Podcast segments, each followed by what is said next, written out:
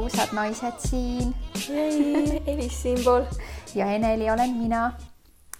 tulime täna jälle siia, saime Elisega kokku, et äh, teha üks äh, ühine podcast mm. -hmm. aga tänane podcast on selles mõttes äh, erilisem, et me otsustasime teha sellise intervjuu vormis või noh, ma ei, ma ei ütleks, et ta päris intervjuu on, aga lihtsalt, et, et selline selline... võib-olla nagu meist nagu roh-, rohkem ülevaadet saada, et kes me inimestena oleme ka, et Just. et muidu me siin arutleme igasugustel teemadel, on ju, aga võib-olla siis äh, nagu põgusalt äh, saab inimestele siis äh, edasi anda meie olemust, on ju yeah. mm. -hmm.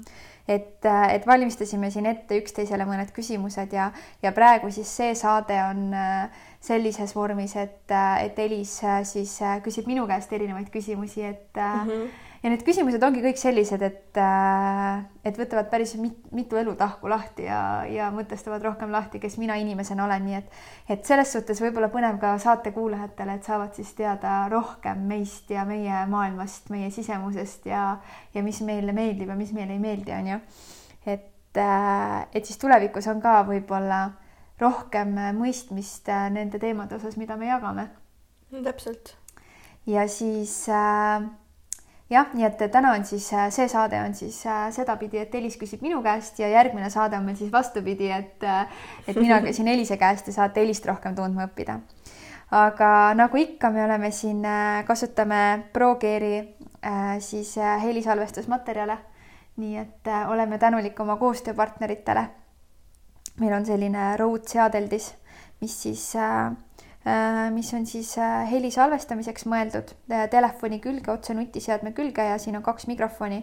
nii et see, selle tulemusel on siis meie salvestatud post, podcast ja heli oluliselt kvaliteetsem, nii et aitäh sulle, ProGear, et te meid sellisel kujul toetate.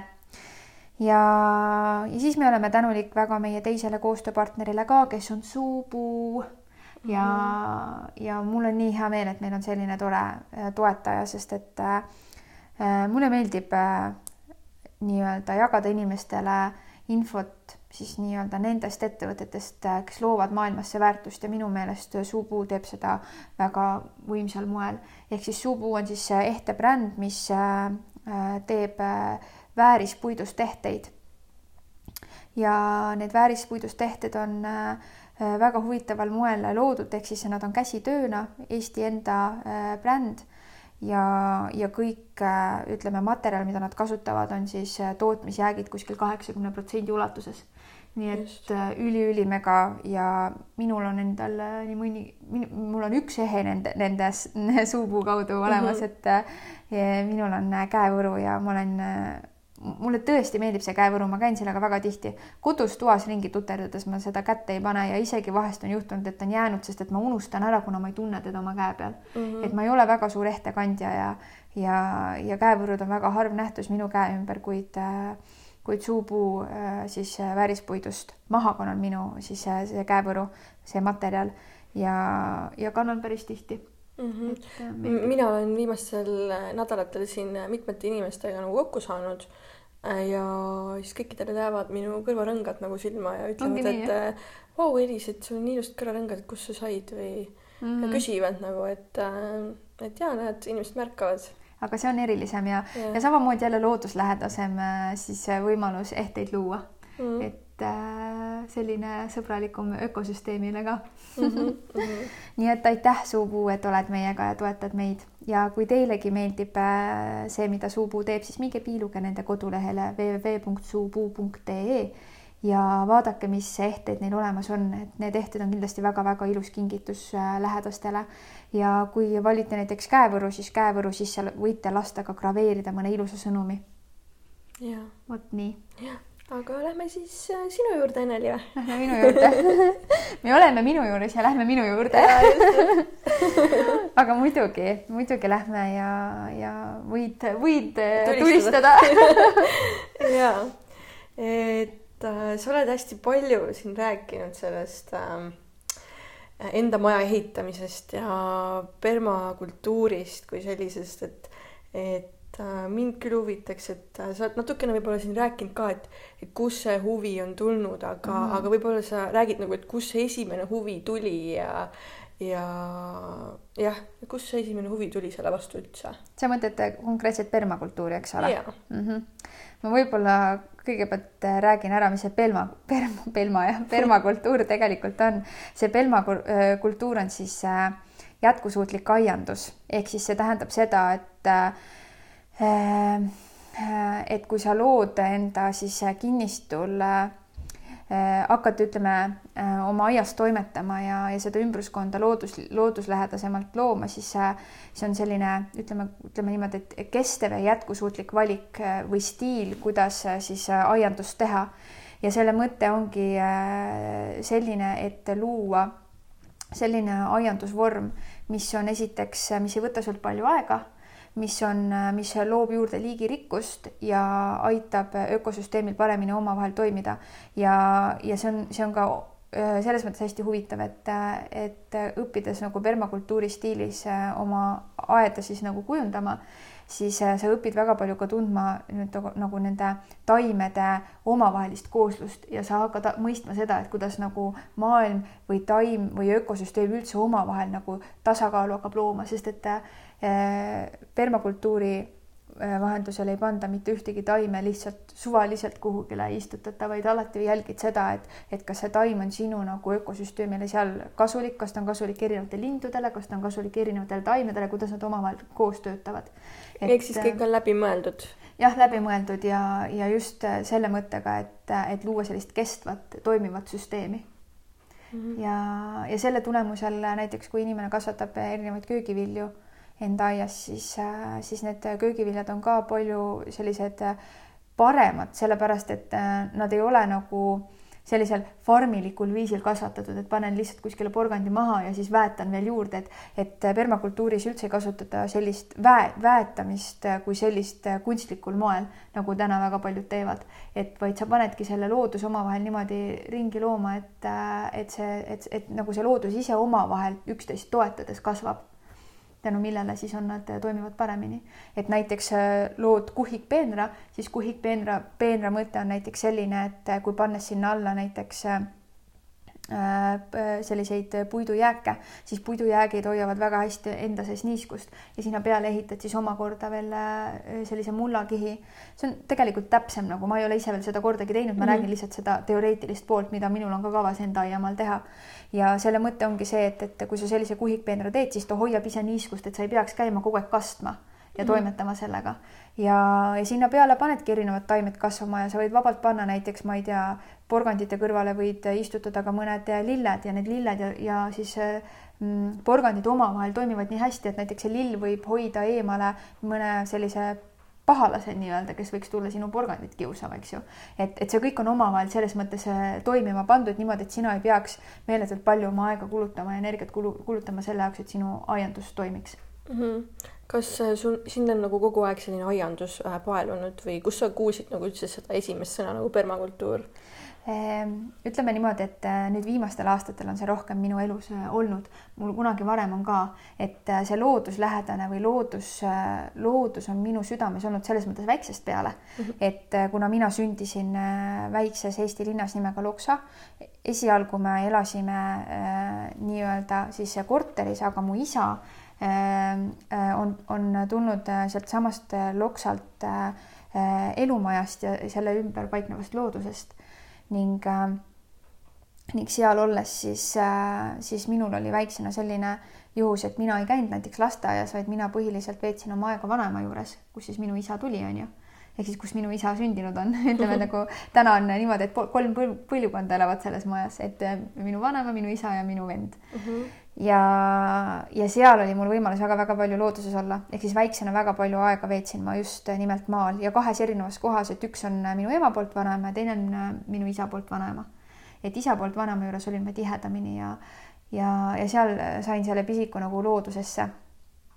ja siis ja siis nüüd viimastel aastatel on võib-olla rohkem, kuna see ärkamine, mis minu sees on toimunud see maailma mõtestamine, see enda filosoofia mõistmine, iseenda mõistmine ja ümbruskonna mõistmine, see on nagu kuidagi veel rohkem viinud sellele loodusele lähemale, oma juurtele lähemale nii-öelda.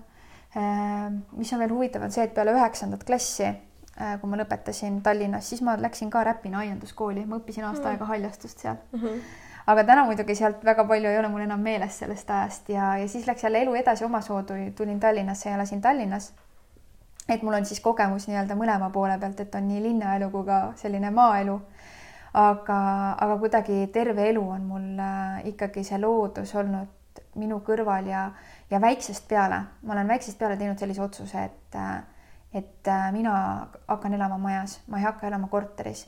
Ja kõige olulisem otsus selle juures on see, et, et mina ei sünnita oma lapsi korteriseinte vahele et see on kuidagi mingi, mingi selline huvitav põhimõte, mis on minus olnud ja ma olen sellega muidugi läbi aja veidi võidelnud, sest ma olen täna kakskümmend üheksa, mul veel lapsi ei ole kuigi ma olen tahtnud lapsi, aga ma, ma olengi teadlikult seda edasi lükanud, et ma ei ole leidnud enda jaoks veel seda piisavat head keskkonda, mida oma lapse jaoks nagu lapsele pakkuda. et ma ei ole selle mõtteviisiga, et, et lapsed peavadki tulema juhuslikult ja, ja, ja et ja, ja enam-vähem, et, et küll siis hakkama saab, kui see laps tuleb, et, et mina tahan äh, ja võib-olla see on natuke ka läbi minu enda lapsepõlve. aga selline jah, ütleme, minul on selline kindel hoiak, et äh, et ma tahan oma lapsele pakkuda parimat keskkonda ja, ja võimalust äh, looduses või äh, aega veeta ja, sest ma tean, mis tunne on, ma olen ise ka märganud seda, et, et mu mehel on tütar, kuueaastane ja kui me oleme Tallinnas korteri seinte vahel, siis on väga palju probleeme sellega, et, et mis, mis see laps siis teeb. Et meie juures tal ei ole väga palju mänguasju, ta võtab kaasa, aga ta ei taha nendega väga mängida toas ja, ja siis on tihtilugu probleem sellega, et tahetaksegi võtta see iPad, sest et see on huvitav, seal on nagu midagi teha. ja, ja see võrdlusmoment tuleb sisse sellega, et kui oleme läinud siis maale, olnud maal, siis äh, siis laps ei huvita see iPad enam, siis ta tahab õues olla, ta tahab ringi mütata, eriti suvel. et mis seal nagu äh, looduses teha ja, ja toimetada. ja, ja see oligi hästi huvitav, ükskord ma nagu teadlikult veel jälgisin seda ja vaatasin, et kuidas see, see ümbruskonna keskkonnavahetus mõjub talle. ja see oli kohene, kohene oli see, ei olnud terve päeva maal olles olnud mitte ühtegi küsimust, et ma tahaksin arvutisse iPadi või telefoni. et ähm, et see oli minu jaoks väga suur märk sellest, et see looduskeskkond nii palju panustab nagu lapse kasvamisse ja arengusse ka ja, ja mida ma tahan veel öelda, on see, et äh, see on nagu, see on, see küsimus on vaata nii suur, et mul yeah. oleks sellest nii palju rääkida, onju, aga mm -hmm. ma räägin veel ühe olulise asja ära, kaks olulist asja tegelikult, üks on selline, mis mind nüüd viimasel ajal mõjutanud on. Äh, ja teine asi on siis, äh, mida ma nüüd eile läbi ühe live video veel enda jaoks nagu lahti mõtestasin või tundsin. et kõigepealt on see, et, et täna see, ütleme, see permakultuur on hästi palju seotud sellega, et ma arendan Anastasia filosoofiat Eestis edasi, ehk siis põliskodude ideed, ideoloogiat. ja, ja see ongi saanud alguse äh, Vladimir Megre raamatute sarjale äh, Venemaa helisevad seedrid, et need raamatud nii tohutult kõnetasid mind, et äh, nii-öelda inspireerisid mind reaalselt tegutsema. on väga palju teisi raamatuid, mis on mind inspireerinud, aga nad ei ole kunagi mind inspireerinud selliselt tegutsema nagu need raamatud ja, ja need helisesid minu sees nii tugevalt. Ja kuidas siis mõtestada seda, et nad helisesid, mis see tähendab, nad helisesid minu sees? Ähm,? Urbo üks päev küsis mu käest seda, et, sa räägid, et see heliseb, mis asi see, mis see tähendab, onju. Mhm. siis ma mõtlesin, et, et kuidas ma talle seda seletan, et mismoodi ma talle seletan seda, et see heliseb minu sees? Ja, ja siis eile ma avastasin selle koha, et kuidas talle seda selgitada. Ja see tuli läbi selle, et me lugesime laivis raamatut inimestele ja seal raamatus oli väga-väga ilus lugu ja see lugu, äh, mis seal raamatus oli, äh, rääkis sellest, et kuidas meie ümber loodus on tegelikult elav, kuidas loodus reageerib meie tunnetele ja tundeavaldustele ja kuidas kogu loodus ja elav püüdleb inimese poole. ja, ja see lugu meenutas mulle kohe minu enda tunnetust loodusega seoses. ehk siis ma toon selle näite, et ma olen kogu aeg läbi elu on mul olnud niimoodi, et kui ma olen äh, Loksal vanaema juures olnud, ma olen seal näiteks olnud kolm-neli päeva, alati sealt ära tulles on mul nii raske tunne sees. see on täpselt niisugune tunne, nagu ma jätaks kogu oma pere maha. kogu aeg on selline tunne olnud ja Urbo veel eile live videos ütles ka, et jaa, et see on tõesti, et sa oled mulle palju aastaid tagasi ka sellest mitu korda rääkinud. ja ja see tunne oli väga sarnane ka selle tundega, kui ma olin oma eksiga koos ja kui me käisime minu eksiga tema juures maal, see oli ka väga kaugel Eestis kuskil, ma ei tea, Narva järve ääres, kuskil nende maakodu, aga seal oli alati hästi-hästi mõnus olla mm. -hmm. ja sealt ära minna oli ka alati väga keeruline, väga raske. et justkui jälle sa jätad midagi olulist nagu maha. ja siis äh, nüüd siin Tallinnas olles ma proovin seda looduslähedust nii palju endaga nagu kaasa tuua või endaga äh, Eh, iga päev hoida läbi selle, et kui ma hommikuti välja lähen, siis ma lähen välja eh, koeraga mängima ja ma lähen meie korteris olevale kõrvale staadioniplatsile. meil on isegi väga huvitav see, et, et see kant, kus meie siin elame, Kristiines, siin on mõned kortermajad, aga siin on enamuselt rohkem eramajad ja tänu sellele on see kant ka natukene looduslähedasem minu jaoks. ja kui ma lähen sinna kõrvale olevale staadioni platsile, siis seal on üks väga-väga suur kask ja ma alati tervitan seda kaske. Ma alati lähen selle kase juurde ja ütlen talle, kui ilus ta on ja tervitan teda ja nii-öelda suhtlen temaga mm. -hmm. ja, ja iga jumala kord seal olles ma tunnen ennast meeletult hästi. nagu jälle tuleb seesama sarnane energia, nagu ma tunnen siis, kui ma olen äh, vanema juures maal kui ma tunnen, tundsin siis, kui ma olin oma eksi juures maal ja kui ma tunnen siin ja samast ja samamoodi täna enda põliskodus. ja ma mõistan, et see tulebki sellest, kui palju me suhtleme selle elava loodusega. Ehk siis, kui palju me kontakteerume sellega, et Anastasia ütleb äh, oma raamatutes seda, et, äh, et elav loodus sinu ümber, kellega sa ise teadlikult suhtled äh, taimi, mida sa ise istutad ja üldse kogu see, mida sa enda ümber kujundad taimedega, siis taimed sulle vastutasuks hakkavad looma sulle armastuse atmosfääri. sõna otseses mõttes armastuse atmosfääri. Ja, ja kui ma seda lugesin, neid riidu sellest raamatust, siis see tekitas minu sisse nii õõnsa tunne, õõnsa tunne, see, see õõnsa tunne sellepärast, et tahtsin nutma hakata. see tähendabki seda, et see heliseb minu sees. ehk siis see meenutab mulle päriselt seda tunnet, mida ma nagu iga kord olen nagu tundnud maal vanaema juures olles Eh, oma eksi juures maal olles, täna oma põliskodus olles ja siis siin sellesama kase juures olles. -hmm. et, ähm, et see ongi seesama nii-öelda see, ähm, see valus tunne, et kui ma lähen ära, et ma jätan justkui midagi maha, see ongi see armastusatmosfäär, mida ma iga kord jätan maha. ehk siis see loodus, mis ütleb mulle, et ära mine ära, ära mine minu juurest ära. et, äh, et ma olen siin sinuga, ma loon sulle sinu, sinule seda armastusatmosfääri välja, et ära mine ära et mm, -hmm. et see ongi see minu suhestumine täna loodusega, mida ma mõistan iga kord aina rohkem ja aina rohkem. Aga loomulikult olles siin nagu korteri seinte vahel on nagu raske seda tunnetust või seda ühendust loodusega hoida, sest et sa oled sellest jälle niivõrd palju rohkem eemal. et äh,. kas võib öelda, et siis see on nagu mingis, mingit sorti nii-öelda kirg ka hetkel su elus, et ja. Äh, kuhu, kuhu suunas sa praegu nagu liigud või mis on siis nagu see läbiv teema, mille suunas sa liigud praegu? No see läbiv teema ongi, ütleme hetkel muidugi on hästi mm -hmm. palju selline põliskodude arendamise idee, mida, mida ma täna teen. et, äh, et see oli ka üks olulisemaid ideid või ideoloogiaid, mida Anastasia Vladimir Megre raamatutes edasi jagab kui ma siin mainin pidevalt Anastasiat, siis äh, ma ei saa mainimata jätta, et kes ta selline üldse on, et ma toon selle korra sisse, ma võib-olla olen eelnevatel podcast idel seda maininud, aga ma täpselt ei mm -hmm. mäleta, nii et ma igaks juhuks kordan üle. Äh, Anastasia on Siberi taigas elav erak, naisterahvas. Mm, täna on ta kindlasti umbes selline kolmekümne, neljakümne, ma arvan, et mingi neljakümne ligi või üle neljakümne aasta vanuseline ta on täiesti reaalselt olev naine, kes elab seal metsas Äh, mina küll isiklikult temaga kohtunud ei ole, ei ole, kuid äh, minna? taha, muidugi tahaksin, aga no ma ei usu, et, äh, et see oleks mõttekas. et, et ma olen läbi lugenud kõik Vladimir Megre kümme raamatut, ta on kümme raamatut kirjutanud kogu sellest filosoofiast, mida Anastasia temale on seal jaganud. ja mis Anastasia puhul eriliseks muudab, on see, et ta on selles mõttes väga müstiline ja väga eriline, et ta on kõige lähedasem inimene algallika inimesele ja see tähendab seda, et äh, tema äh, põlvkond ja tema esivanemad on äh, läbi tsivilisatsioonide, läbi sajandite hoidnud seda, ütleme, algset kultuuri, mida siis maal või jumal nagu maale lõi. et see tähendab seda, et, et tema elab täielikult kooskõlas loodusega, tal ei ole seal Äh, see, kus tema elab, tal ei ole mitte ühtegi hoonet, kus ta on, ta on täielikult looduses. Ta on kodustanud erinevad loomad, karu, hunt, rebane, kõik sellised, kes tema ümber on, oravad näiteks.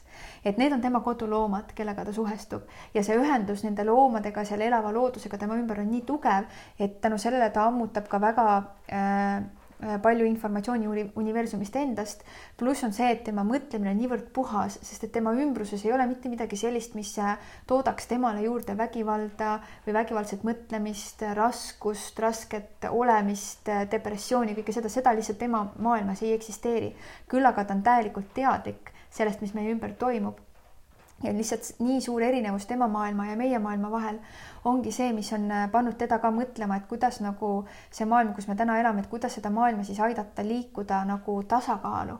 et äh, me oleme nii palju eraldunud täna loodusest, et kui me vaatame seda linnas elamise kultuuri, seda tehnokraatlikkust, seda suurt äh, ütleme võidukäiku selle suunas, et saaks jälle veel paremad telefonid, mm, veel paremad tehnikaseadelised ja nii edasi, on ju et, äh, et tegelikult see kõik on kunstlik ja see kõik on see, mis looduses on tegelikult olemas. ehk siis äh, kui ma võrdlen Anastasiat tavalise inimesega, siis meie erinevus on lihtsalt see, et meis on täna kõik võimeid kinni, sellepärast et me oleme nii eemaldunud sellest looduslähedasest elust, aga Anastasial on see nii-öelda kogu see võimekus alles ehk siis tal on kõik selgeltnägemise võimed väga tugevalt, telepaatiline võime, teleporteerumise võime, eh, hologrampiltide näitamise võime, kõik selline asi on temal nagu täna täiesti ehedal kujul olemas mm. -hmm. kui sa rääkisid siin, et kes Anastasia on, siis ma küsin, et äh, kes Eneli on kes on Eneli, väga hea küsimus on ju ehm, kes mina olen?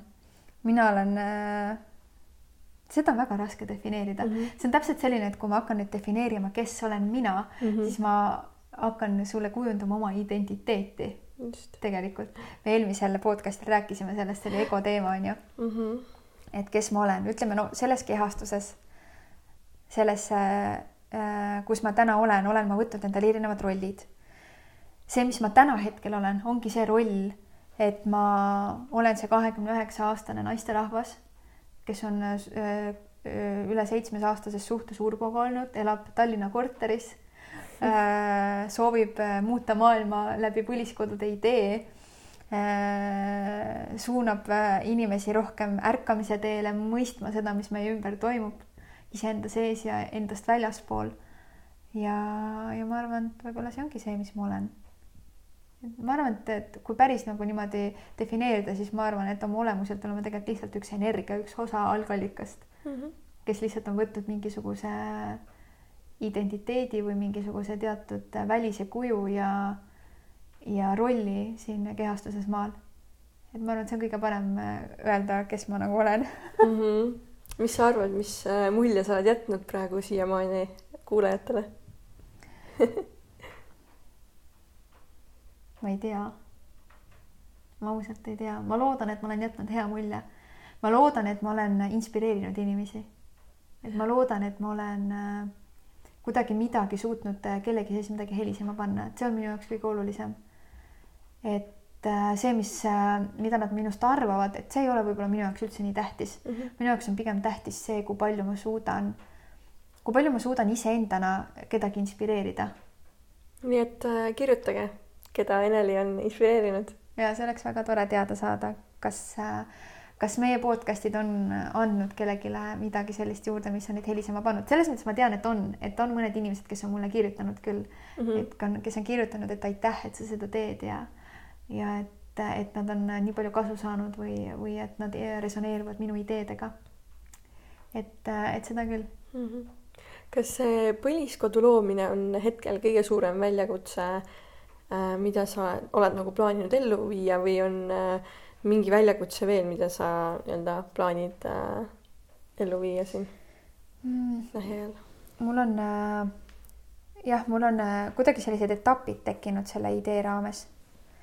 ma võib-olla natuke, vaata põliskodu on, see on lihtsalt üks sõnakõlks, on ju mm, -hmm. aga tegelikult selle taga on hästi suur maailm. ma hästi korraks põgusalt mm -hmm. räägin sellest see põliskodude idee on tegelikult äh, sisuliselt äh, üks hektar maad, üks või kaks hektar maad, kus üks perekond hakkab looma siis elava loodusega teadlikku atmosfääri, kus äh, perekond kasvatab taimi täielikult suhestudes äh, selle elava loodusega, ehk siis mõtet, mõtestades enda jaoks lahti, mis see ümbruskond tegelikult tähendab ja siis äh, selle, selle teadlikkusega äh, ja suheldes taimedega siis seda keskkonda ja ökosüsteemi enda ümber luua. ja, ja kui inimene äh, hakkab seda looma ja kui neid peresid on Eestis piisavalt palju, kes sellist äh, põliskodude ideed loob, siis see hakkab muutma väga palju meie ökosüsteemi ja ökokeskkonda ja ökoolukorda meie ümber ka, ka linnades. see hakkab puhastama meie vett, see hakkab puhastama meie õhku, see hakkab puhastama meie toitu, meie keha, meie tervist, üldse kogu meie nagu olemust. Äh, sest et seda, sest nagu ma ennem ütlesin, et äh, et kuna elav loodus, suhestudes temaga teadlikult, hakkab looma meie ümber armastuse atmosfääri, siis äh, siis põhimõtteliselt taimed on nagu meie olemuse peegeldus. et äh, kui meie teadlikult ütleme, et ma võtan, mul on siin laua peal sirel on ju, ja kui ma võtan selle sireli ja ma teadlikult äh, lähenen temale ja teadvustan ja pakun talle nagu seda armastust, ehk siis Äh, suhtlen temaga armastaval viisil, kasvatan taime armastaval viisil, siis kogu elav püüdleb teha maksimaalselt seda, et sulle seda tagasi pakkuda. ja sellepärast Anastasia ütlebki, et ta loob armastuse atmosfääri ehk siis ta peegeldab kõike seda, mida mina endast välja annan. ta hakkab sulle tagasi peegeldama, see on elava looduse roll. ja kui selliseid põliskodusid on meie ümber väga palju, siis kujutad ette, kui palju armastust on meie ümber sest see energia lihtsalt on meie ümber, seda on nii palju, et inimesed, et ei ole võimalik, et inimesed ei saa sellest puudutatud, mõistad mm? -hmm. et see on nagu selline, nagu selline energeetiline sügavam mõte. aga tegelikult on selle juures ka väga palju muid äh, lahendusi, mis, mis aitab nagu meie ümbruskonnalt, aitab meie Eesti majandust, sest et täna väga suures osas me ostame välis äh,, välismaalt toitu sisse, on ju see väga suures osas aitab äh, luua meile jätkusuutlikumat põlvkonda, sest me loome nende jaoks parema keskkonna, kus kasvada.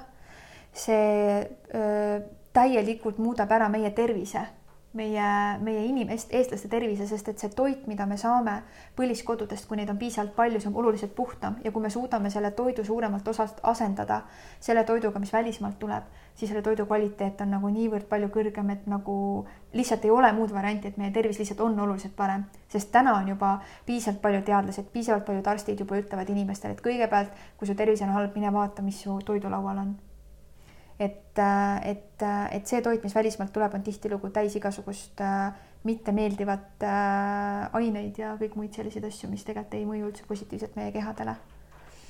ja, ja muidugi kogu ökosüsteemi meie ümber, kogu õhku puha, õhk, mis meie ümber, mida me hingame, on oluliselt puhtam ja parem. aga siis see eesmärk, ütleme, see ongi see eesmärk, kuhu ma tahan liiku, liikuda, et, et täna ma alustan sellest, et et äh, ma olen loonud, ma olen nagu hästi väikeste sammudega läinud, et kõigepealt ma olen alustanud iseendast, iseendast selles osas, et ma olen eesmärk mõtestada lahti enda jaoks, mis see minu jaoks tähendab, mis on see põliskodude idee minu jaoks, miks mina seda ideed armastan, miks ma seda tahan seda edasi viia. järgmisena on see, et ma jagan seda teistega. Siis äh, kolmas asi on see, et ma loon sedasama asja enda kodus, enda kinnistul et ma just natuke aega tagasi mõtlesin, et ma olen terve elu tahtnud seda oma kohta, kus hakata oma kodu looma.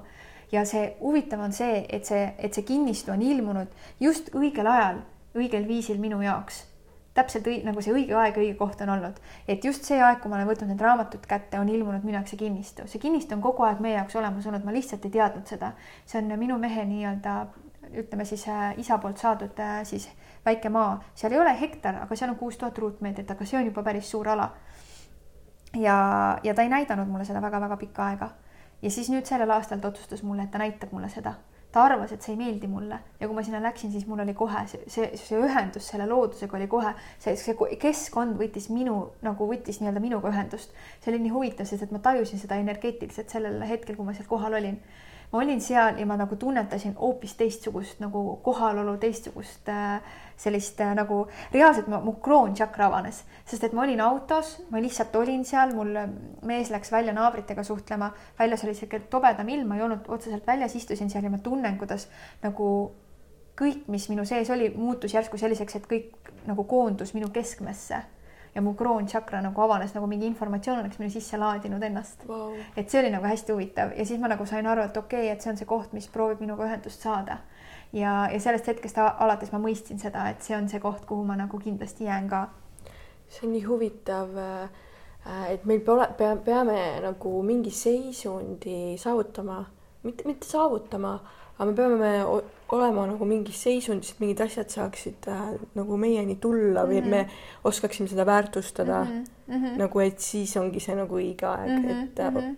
jah. et sellepärast ongi, et kõik on nagu noh, Kris on ka öelnud, et, et meie elus toimuvad asjad kronoloogilises järjestuses, et mm, et kui sulle öeldakse, et ma ei tea, et viie aasta pärast oled sa miljonär, siis sa täna ei usu seda, sest et sa vaatad oma elu ja sa mõtled, et mitte kuidas kurat mitte ükski asi ei anna mulle märku sellest, et ma viie aasta pärast seal olen, onju mm. -hmm. aga viie aasta pärast sa tõenäoliselt lihtsalt oled seal, sest need asjad on lihtsalt niimoodi juhtunud, vaata mm. -hmm.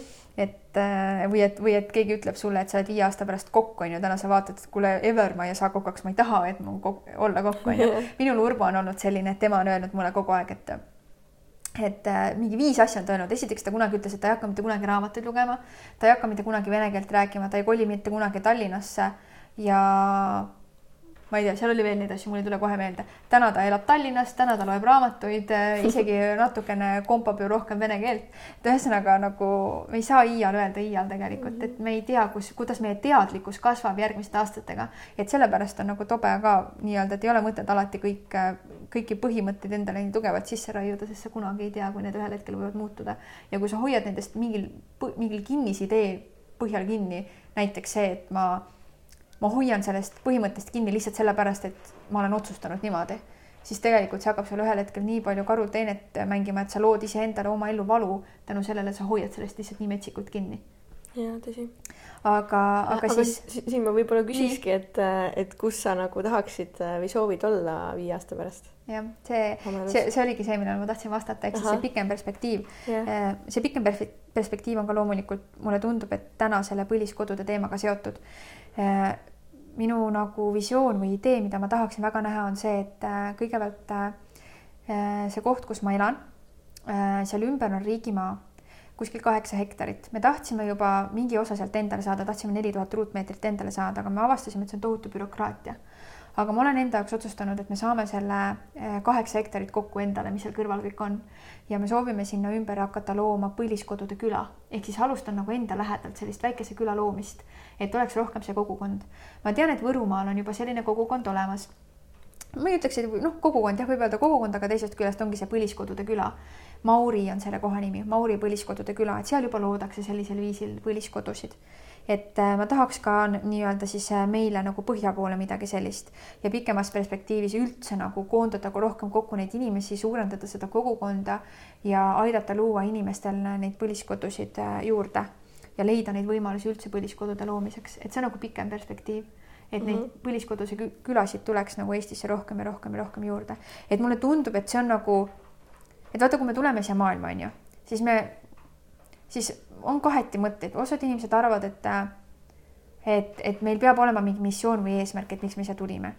ja siis on inimesi, kes arvavad, et sellist asja nagu missiooni ei ole, me ise võtame endale lihtsalt mingid rollid et, äh, et kumb see siis tõde on ja kumb see siis mitte tõde ei ole, on ju, et raske otsustada.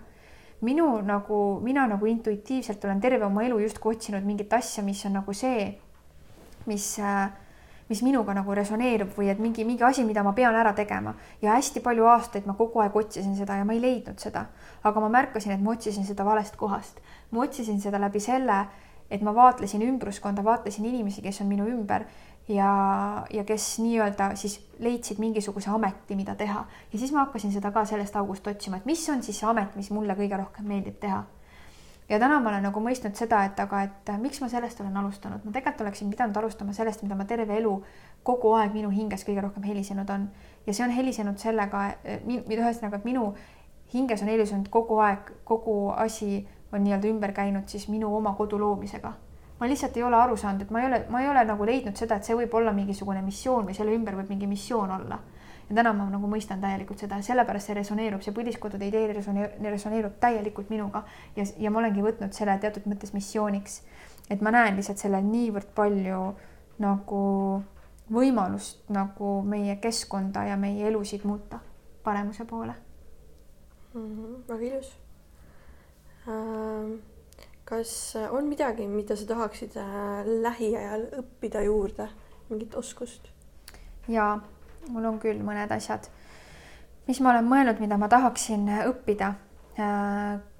kuna kogu, kõik see teema, mida ma praegu teen, ausad naised, põliskodude arendamine on ju.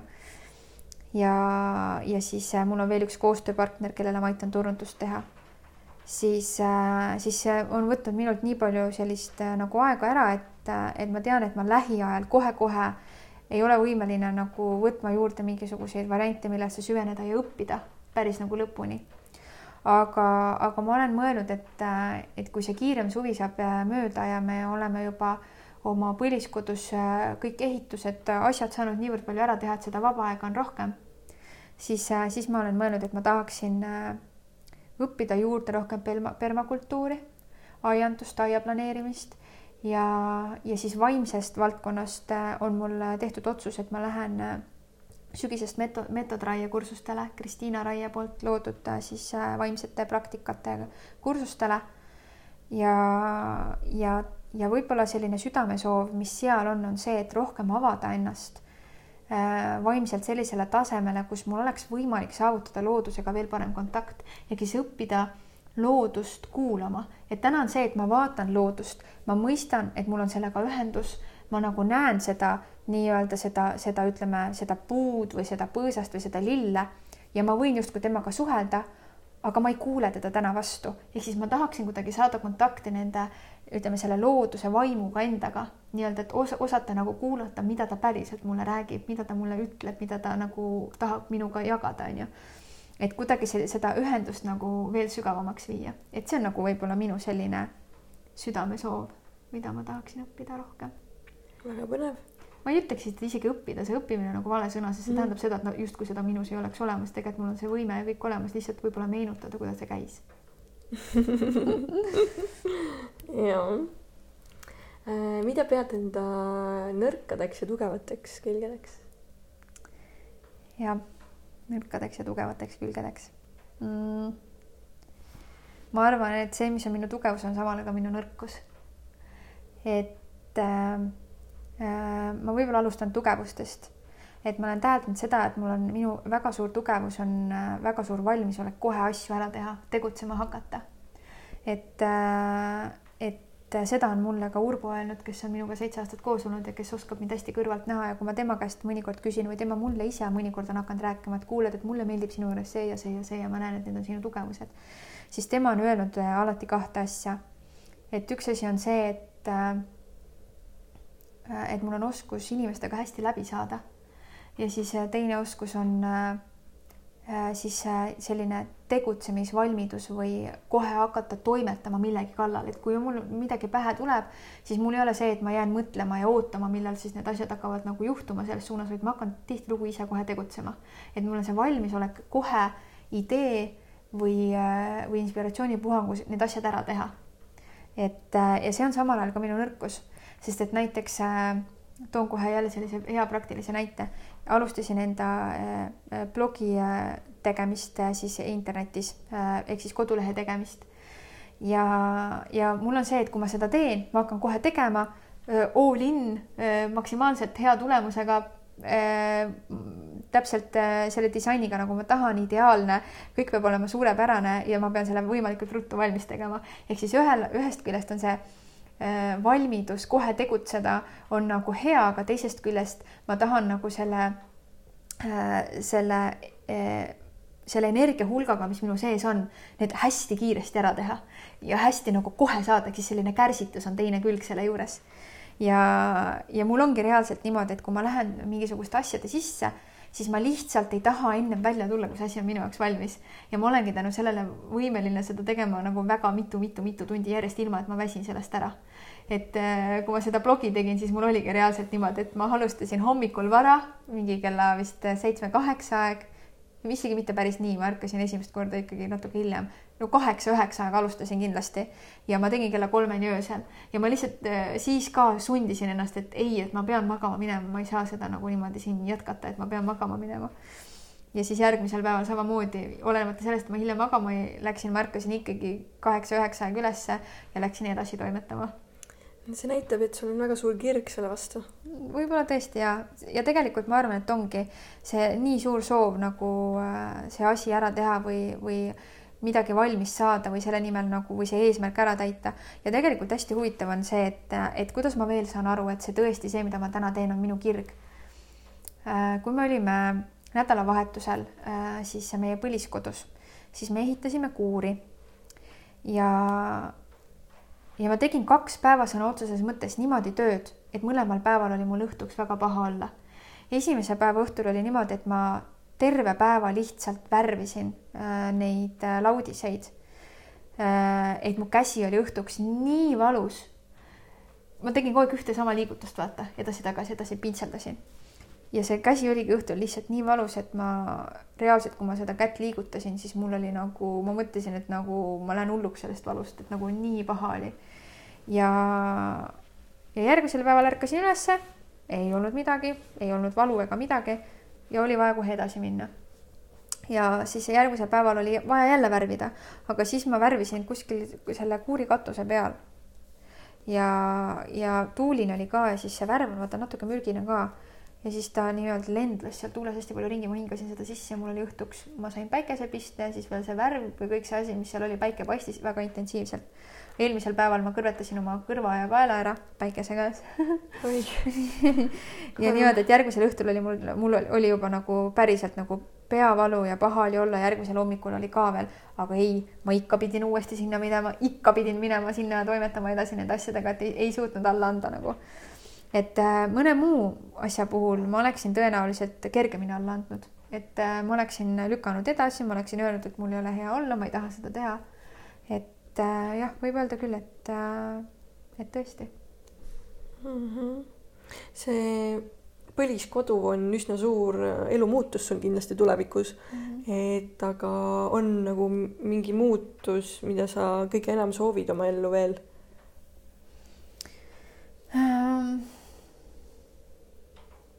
ma arvan, et võib-olla see kindlasti väga suur muutus ongi see, et saaks nagu siit korterist, kus ma olen, saaks võimalikult ruttu looduslähedasse ellu. et, äh, et see on nagu see, mida ma nagu väga-väga tahan, et täna ma pean veel paraku olema siin kodu, korteri seinte vahel.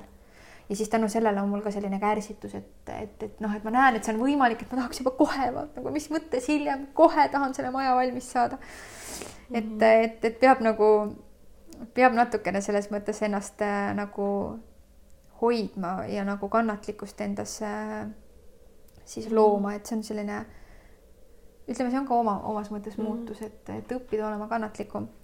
aga teisest küljest jälle see muutus, mida ma kindlasti tahaksin, ongi see, et, äh, et kui ma olen seal oma kodukeses, siis olla nagu rohkem kohal, veel rohkem kohal. et täna ma tunnen seda, et selle kiirustamise, kõige selle toimetamisega ma nagu justkui kogu aeg olen kuskil mujal, ma kiirustan kogu aeg kuhugile, aga olen vähe kohal. ja kui ma seda nüüd mõistsin siin paar päeva tagasi, olles ka siin mitu päeva järjest teinud oma neid asju selle nimel, siis ma nagu sain ka aru, et Eneli, et, nagu võta asja rahulikumalt, et nagu, et kuhu sa jooksed kuhu sa kurat jooksed, on ju, et mitte miski ei nagu kõik ju tuleb sinu juurde, et sa ei pea nagu, sa ei pea niimoodi rassima, on ju, et võta rahulikult, et, et siis sa nagu naudid seda protsessi rohkem. Vot. kas sul on äh, mingisugune väeese või tätoveering, äh, mis, millesse sa usud, äh, mis toob sulle õnne? ja mul on praegu ka kaelas, ma näitan sulle mm. -hmm. mul on mul on Siberi seedermant kaelas. see on siis just ju üsna hiljutine. ja äh, taga, tavaliselt ei ole hull mingi väeesemete kandja, aga, aga selle ma tellisin küll siberiseeder.ee lehelt, lugedes siis neid Anastasia raamatuid ja uurides äh, Siberi seedri nagu toimet ja olemust, siis, äh, siis ma olen kuidagi tundnud, et tõesti, et äh, et see on võib-olla see, mida ma tahaksin enda kaelasse hoida.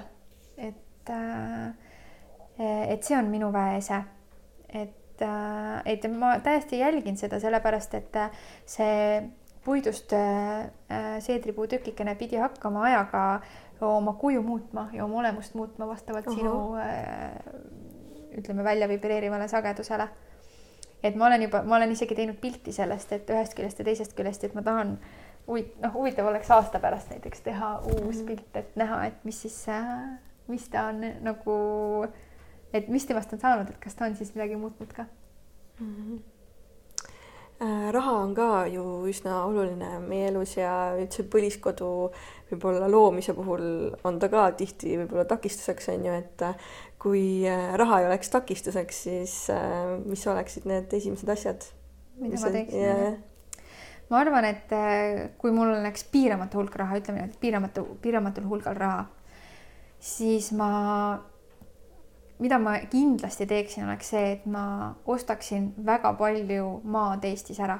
ma ostaksin väga palju hektarmaid ära ja jagaksin äh, need hektar maad tasuta äh, inimestele, kes tuleksid kaasa selle põliskodu ideoloogiaga. et see on nagu see, mida ma teeksin. Vau, see on väga äge mõte et, äh, et see on see, mis kiirendaks vaata seda protsessi mm -hmm. selle suunas, et, äh, et, et see asi saakski päriselt äh, sinnapoole minna, see oleks kõige kiirem, kõige kiirem võimalus. nii et peab vist hakkama lotot rohkem mängima aga on sul nagu mingi oma lemmiktaim ka, et mida sa siis oma aeda näiteks istut-, istutaksid ehm.? see on hästi raske vastata tegelikult sellele mm.. sellepärast, et neid taimi on nii palju mis nagu tegelikult meeldivad mulle, et leida nagu seda ühte kindlat, mida ma kindlasti tahan, on nagu keeruline. aga võib-olla suuremalt üldisemalt võttes mulle meeldivad äh, kõik õitsvad taimed. mulle meeldib kevadel õitsemisaeg, mul on siin laua peal ka praegu lõhnav äh, sirel, sireli oksakesed mm -hmm. ja ja mulle meeldib, mulle meeldivad väga paljud just õitsevad lilled, mis lõhnavad meeletult. et äh, ongi, võibki öelda sirel ja tulbid ja roosid et äh, kõiksugused sellised õied mulle meeldivad. ja, ja võib-olla, mida ma tarbin kõige rohkem, on, äh, ma arvan, selline tee osas on piparmündid ja muud sellised äh, ürditaimed. Need mulle mm -hmm. väga mhm. meeldivad ka. küsin siin väga seinast seina küsimusi su käest, et äh, sa oled hästi pikalt Amway äris töötanud ja hästi paljude inimestega nagu kokku puutunud, et et mida sa väärtustad üldse inimestes enim mm.? jah, Ämme Järi on olnud hästi tugeva kogemuse ja hästi hea pildi sellest, millised inimesed on.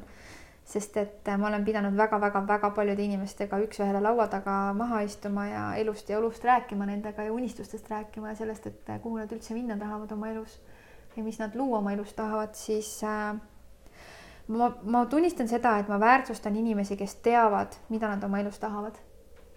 Äh, ja kes on võtnud äh, otsuse see ka ellu viia ja kes või üldse nagu ma väärtustan neid inimesi, kes tegelevad enesearenguga, kes äh, tahavad ennast kõrvalt näha, kes tahavad olla paremad, kes tahavad äh, olla heatahtlikumad teiste suhtes, kõige äh, elava suhtes ja ümbruskonna suhtes. ja kes, kes ei ole ükskõiksed, ütleme siis nii. kes loovad väärtust kuidagi maailma juurde, tahavad seda luua. et, et, et kui ma, kui ma istusin väga paljude inimestega laua taga jagades nendega äh, seda äriplaani, mis ämmeis olemas on, siis äh, ma pean ütlema et, et üheksakümmend protsenti inimestest ei tea üldse, mida nad oma elus tahavad. Nad isegi ei tea, mida nad homme teevad. Nad äh,, ma ei ütle, et see on halb selles, et sa elad päev korraga, see on täiesti okei okay.. aga nad nagu, neil puudub nagu.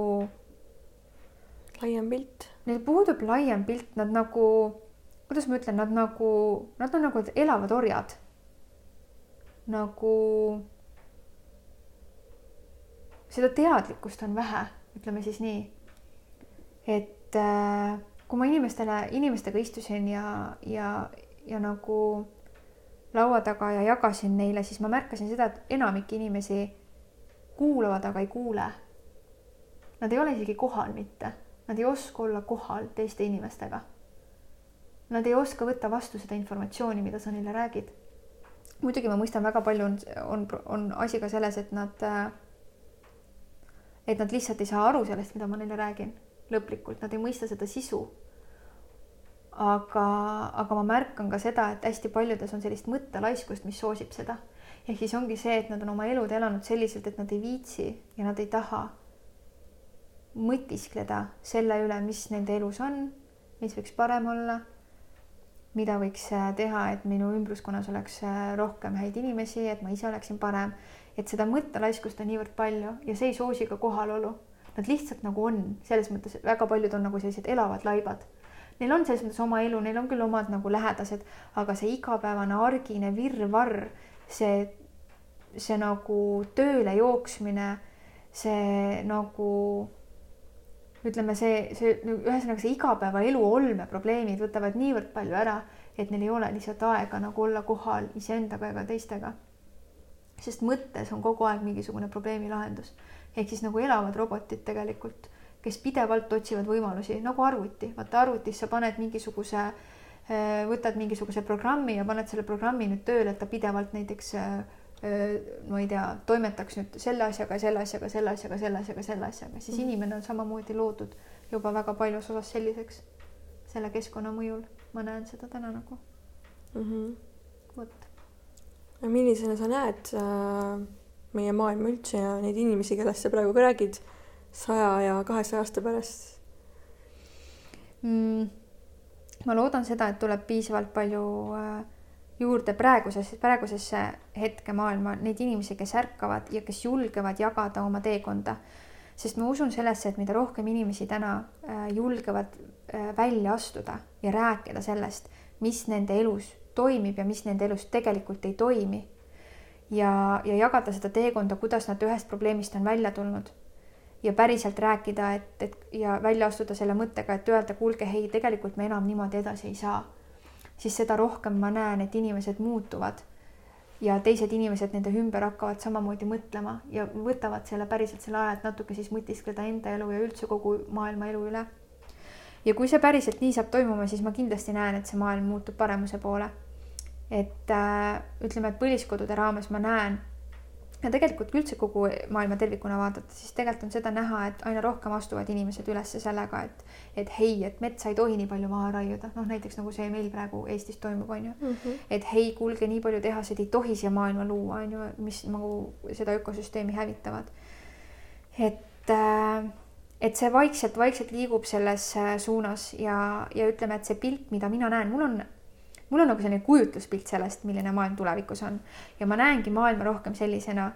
ma, ma mõtlen kõige rohkem meie Eesti peale ja ma näen seda, et meil on rohkem äh, inimesi jälle maale kolinud, et äh, selline tagasi maale on äh, muutunud populaarseks. on muutunud populaarseks inimeste selline looduslähedane elu. et tulevikus me ei võistle selle üle, kellel on kõige parem telefon või kellel on, ma ei tea mis iganes kõige ilusam äh, riietuses, vaid me võistleme selle üle, äh, kellel on kõige ilusam aed, äh, kellel on kõige ilusam ümbruskond tema ümber. et, et ma näen nagu pigem seda poolt mm. -hmm. ja aga mis omadused, mis omadused sul enda juures üldse ei meeldi näiteks ja millised meeldivad? mis omadused mulle enda juures ei meeldi ja mis meeldivad yeah.? Hmm mulle meeldib enda juures see, et ma olen, ma arvan, selline hakkaja. et ma olen selline ettevõtlik.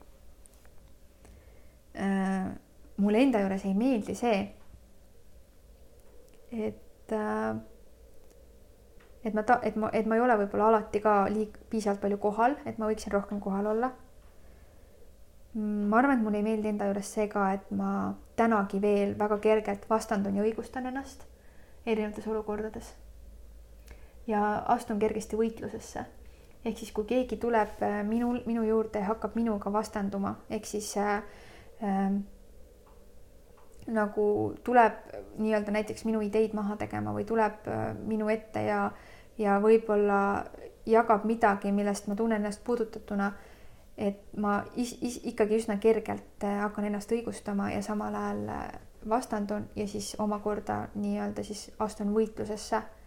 et ja see on võib-olla, kui sa ennem küsisid, et mis on see, mida ma tahaksin endas muuta, siis ma arvan, et see on ka üks asi, mida ma tahaksin nagu veel rohkem nagu, et, äh, et ma nagu veel rohkem mõistaksin sügavam, sügavamati seda, et mul ei ole mõtet, et see ei vii kuhugile mm. -hmm. et see õigustamine, see vastandumine, et see ei vii kuhugile, et täna on veel see, mida ma nagu teen ja võib-olla see on see, mis mulle enda juures ei meeldi. aga see on see, mida ma saan väga hästi praktiseerida täna oma suhtes. et ja. suhtes see väljendub minul kõige rohkem, et Urboga, et kui ta vahest istume laua taga ja ta avaldab oma arvamust, siis äh, ma väga kergesti hakkan äh, ennast õigustama või vastanduma.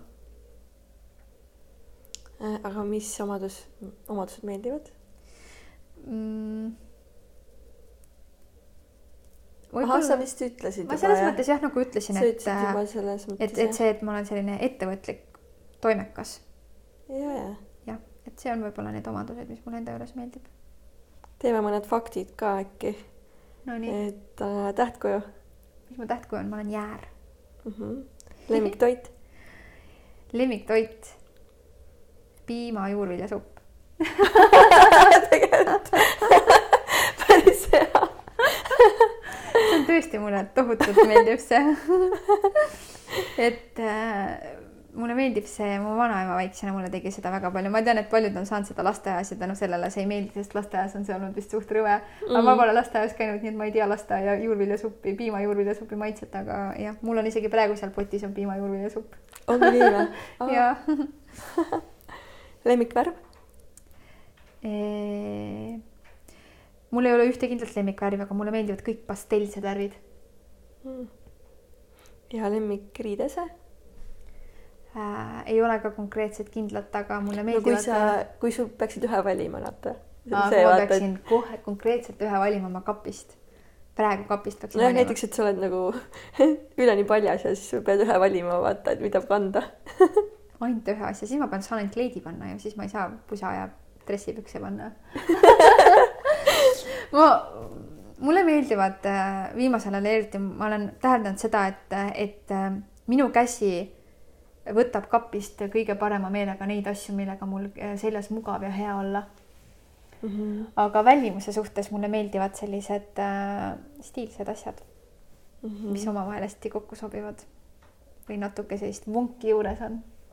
aga muidu ma viimasel ajal käin hästi palju mugavates dressides ja juba sellepärast, et esiteks mul on tihti kodus, ma kodus pean asju tegema ja kui ma välja lähen, siis ma pean hästi selliseid ka ütleme ütleme, et kui ehitamisega seoses, siis on kogu aeg vaja ühest kohast teise joosta ja mingeid asju tassida, mis siis ma ei taha nagu kleidiga mingisuguseid tööriistu ja asju toimetada.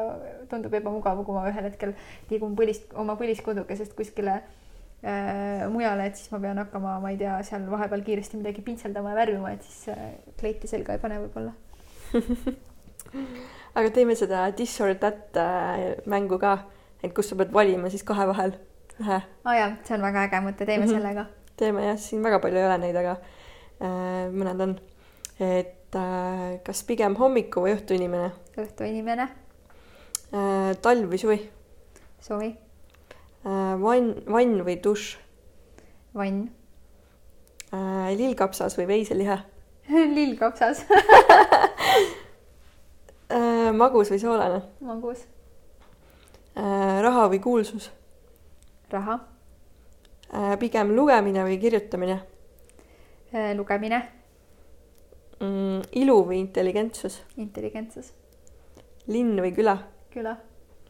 Äh, langevarjuhüpe või benchihüpe? langevarjuhüpe. Mercedes või Bemar Mercedes kleit või püksid? püksid. pali või tai? paali, sest tais pole käinud Äh, magus vale või kibe tõde? Äh, kibe tõde. Äh, kass või koer? koer mm, laev või lennuk? lennuk.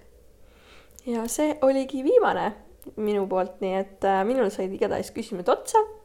on sul midagi, Eneli, veel lisada võib-olla kuulajatele midagi sinust? Kusjuures äh, ma arvan, et ei olegi. jah, ma arvan ka, et sa said aga päris kui, palju rääkida. Äh, aga kui keegi tahab minu kohta midagi teada või nagu tekivad mingeid mõtteid, siis äh, julgelt võite kirjutada. ja et, kirjutage Enelile. jah. oskab hästi vastata teile vahest võivad mu vastused päris pika peale ka minna mm. -hmm. Mm -hmm aga siitpoolt siis tõmbakski kokku ja tänud kuulajad, et kuulasite, tänud Eneli, et sa vastasid mu küsimustele. see on mm. väga hästi välja mõeldud küsimustele, ma loodan, et see andis hea ülevaate yeah., et, äh, et minu olemusest ja tegemistest ja toimetamisest täna. just, aga seniks siis äh, tšauka. ja näeme varsti jälle teiega, mitte ei näe, vaid oleme kuuldel. oleme kuuldel oleme kuuldel, aga olge tublid ja loomulikult jälle, kui äh, oli väärtuslik podcast ja sulle meeldis. kui siis, ei olnud, äh, andke ka teada. just, siis või kui tahate, et midagi võiks olla parem või midagi võiks olla vägevam või mingi vägev teema, mis teil on, siis jagage meile ja jagage oma sõpradele ka. nii et äh, aitäh teile ja järgmise korrani, tšau.